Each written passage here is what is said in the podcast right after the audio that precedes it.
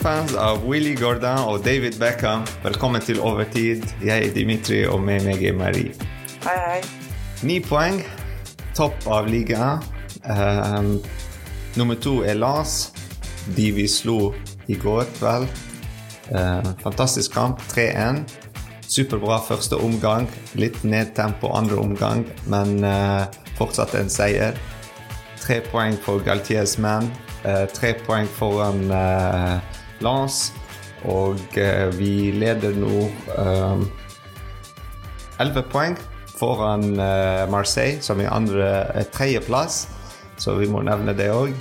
Og de spiller faktisk uh, senere i dag. De spiller mot uh, Troa. Um, så det blir en viktig kamp for de òg, hvis de skal prøve å ta andreplassen. Men nok snakk om Marseille. La oss snakke om PSG. Start 11. Syns... Donnaroma i mål. Uh, ja, hva, hva, kan vi si om det? Hvem andre kan vi velge nå? Det, uh, jeg jeg syns du ser at Galtier begynner å finne en starting eleven igjen. Og jeg føler at Vitinha er veldig viktig i den starting eleven. Hvis du ser på de siste kampene, så har han blitt satt i en veldig sentral posisjon.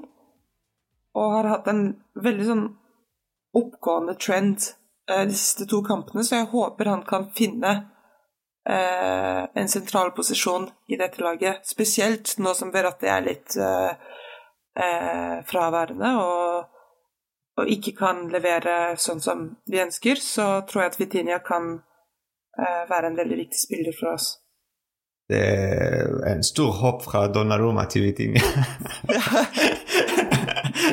Men ja, uh, det er helt enig med deg. Uh, vi kan snakke om midtbanen. Gjøre det litt annerledes denne gangen. Ja. Fra Donnaroma til midtbanen så Soler Vitinia og Fabian Ruiz i midtbanen. Og som du nevnte, uh, Verratti skadet. Han var ikke med. Så Galtier måtte finne ut hva han skal gjøre der. Jeg tror han ville ha valgt uh, Sanchez i dag, men Sanchez òg er skadet. han prøver å få han tilbake i form, men han ble alltid skadet. Så denne gangen så han bare gjorde den endringen fra siste kamp, med Ruiz inn for Sanchez. Så, det, men ja, som de sier, vi har begynt å se faktisk kanskje PSGs next, neste generasjons midtbanegenerasjon med de tre. Uh, vi kan kanskje si det. Jo mer de spiller Kanskje individuelt, de gjør ikke en fantastisk jobb, men jeg tror de tre sammen, hvis de får mer tid, spilletid sammen, uh, med kanskje Sanchez på benken eller sant, Zair Emry som kan komme inn på en av de uh, Vitinha eller uh, Soler, da har vi kanskje neste generasjon i PSGs midtbane. Uh, og de blir bare bedre og bedre sammen hvis de, mer de spiller. Og en ting vi så faktisk som um, vi pleier ikke å se når Verratti spiller, er jo skudd fra langt vekke fra 30 meter. Uh, målet til Vitina er én ting, men vi så òg åpningene uh, skapt, og MBP tar et par skudd òg.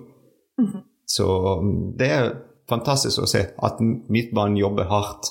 Uh, individuelt kanskje vi ser ikke noe fantastisk, noe spesielt, men sammen så det er noe som kan vinne oss kampen. Men jeg tror det er veldig viktig å huske at midtbaner jeg tror Av alle posisjoneringer på banen, så er det de som må fungere mest sammen. Hvis du ser på de største midtbanene vi har sett sånn Iniesta, Xavi, Busquets Det er ikke fordi de individuelt var veldig flinke, som de også var, men det var at tre sammen Jeg tror du skal de. si Motta, Matuidi og Dorati, men det går fint denne gangen.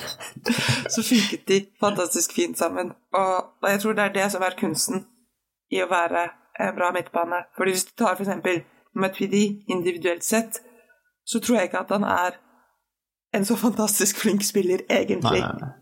Og så, uh, hvis vi går tilbake nå til uh, de bak tre, så hadde vi Danilo Pereira og Marquinhos, kaptein, og Ramos. De hadde en litt tøff start av kampen. Mm -hmm.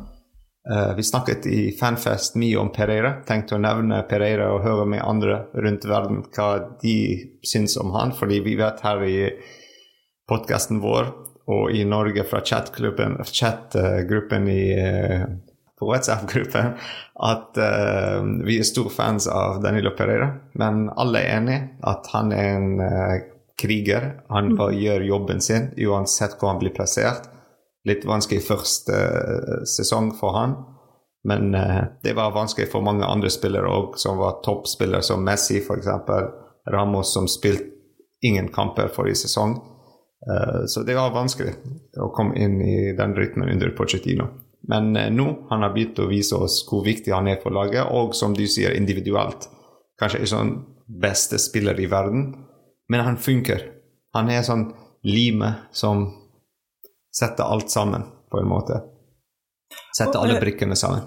Og jeg syns at mange sier ikke sant, ja, han er ikke den beste spilleren, men han gjør jobben. Men det kommer et punkt hvor jeg tenker når du alltid gjør jobben, så, så er du faktisk en god spiller. Det, det liksom, Helt riktig. Det er sant.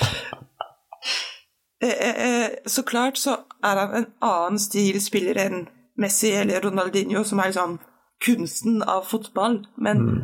du, ikke sant? du kan ikke bare ha Ronaldinhoer og Neymar på banen. Du må ha spillere som gjør en mer på en måte, fysisk og eh, ja, jobb. Rydde opp. Ja. ja.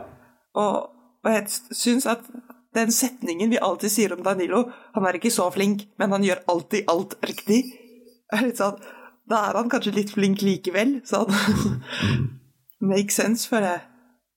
Og så Nuno Mendes som uh, venstre back. Jeg vet ikke hvor han er, faktisk. Han løper opp og ned hele tiden, så han er alt på venstresiden. og så på høyresiden Hakimi, som uh, Og uh, jeg trodde han kommer til å bli skadet veldig lenge etter den taklingen av Abdul Samed som han fikk rødt kort for.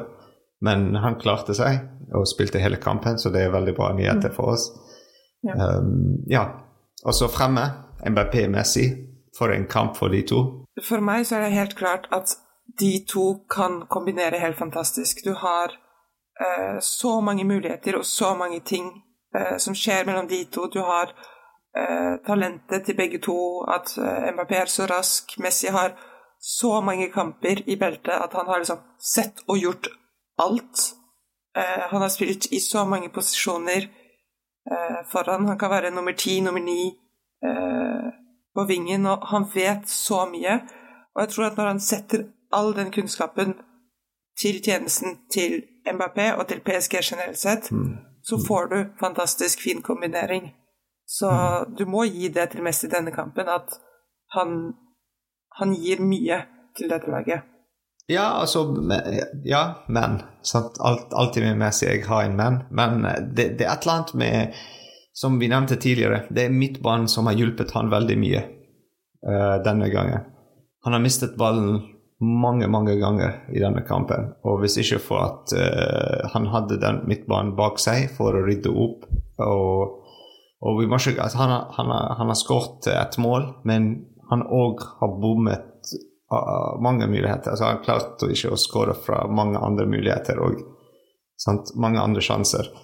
Så det er litt sånn Ja. Uh, det er greit mot Lance, men det er litt vanskelig i en Champions League-kamp, fordi vi får ikke de sjansene ofte. Så vi må kunne klare å skåre dem. Men uh, la oss snakke om Lance-kamp her. Vi er ikke i Champions League lenger. ja, dessverre. Men jeg tror det er viktig å huske også at en ting vi ofte har klagd på i PSG, er at vi ikke kan stole på de som står lengre bak. At, hvis du er MBP, hvis du er Messi, så kan du ikke stole på at eh, du, jobben blir gjort i ryggen din. Mm. Jeg tror det er viktig at jo mer vi stoler på eh, våre tre forsvarere og på midtbanen vår, jo mer kan angriperne våre prøve ting og tenke sånn Hvis dette ikke går, så eh, Så blir ballen tatt opp igjen. Og jeg tror det jeg har mye klaget på på Messi, er at han, han taper ballen i kamper hvor vi helt klart ikke har den tilliten i ryggen vår. Og vi tenker mm. alle må ta defensive ansvar, fordi ja. de defensive spillerne er ikke i stand til å ta alle de defensive ansvarene. Men i denne kampen så følte jeg at vi hadde en midtbane som kanskje ja. hadde mer den backbone. Som han kan stole på ja. bak seg. Ja, sant. Ja, det er riktig. Men altså, det jeg nevner, var Det var en situasjon jeg husker. Messi mistet ballen eh, i midtbanen, faktisk. Mm -hmm. Han droppet ned, som vanligvis vi ser eh, Neymar gjør, eh, gjorde før han ble skadet. Eh, og Messi gjør av og til. Så han droppet veldig bak eh, til midtbanen og mistet ballen der. Mm -hmm. Men han er en supersmart spiller, sant? så han klarte å For å stoppe spillere med å få frispark mot seg. Uh, han fikk, nei, han fikk ikke gult kort for det. Men ja, uh, men han er smart å stoppe spillet på den måten. Men å miste ballen der, det er veldig farlig. Fordi uh, Vitinia Soler løp fremover. Sant? Siden Messi droppet i midtbanen, så vi trenger noen fremme. Så de andre midtbanespillerne har løpt frem for å få uh, litt mer offensivt press på Lance. Og når Messi mister ballen der i den posisjonen, da er det bare Ramos og Marquinhos og uh, Ruiz bak der. Så det er litt farlig sant, på en kontring og sånne ting at det skjer. Men uh, sånn er det når du har en spiller som er veldig glad og dribler og sånn. Så ja, men jeg tror også det er viktig å huske at i mange av de kampene hvor vi har slitt, så har liksom eller det jeg har hørt av kommentatorer, er å se hvor, liksom, hvor mye guts det andre laget har. De presser ti spillere fremover. De, de lar store rom bak mm. seg og, og, satser på at de klarer å presse ballen ut av føttene på PSG-spillerne før den kommer til Mbappé.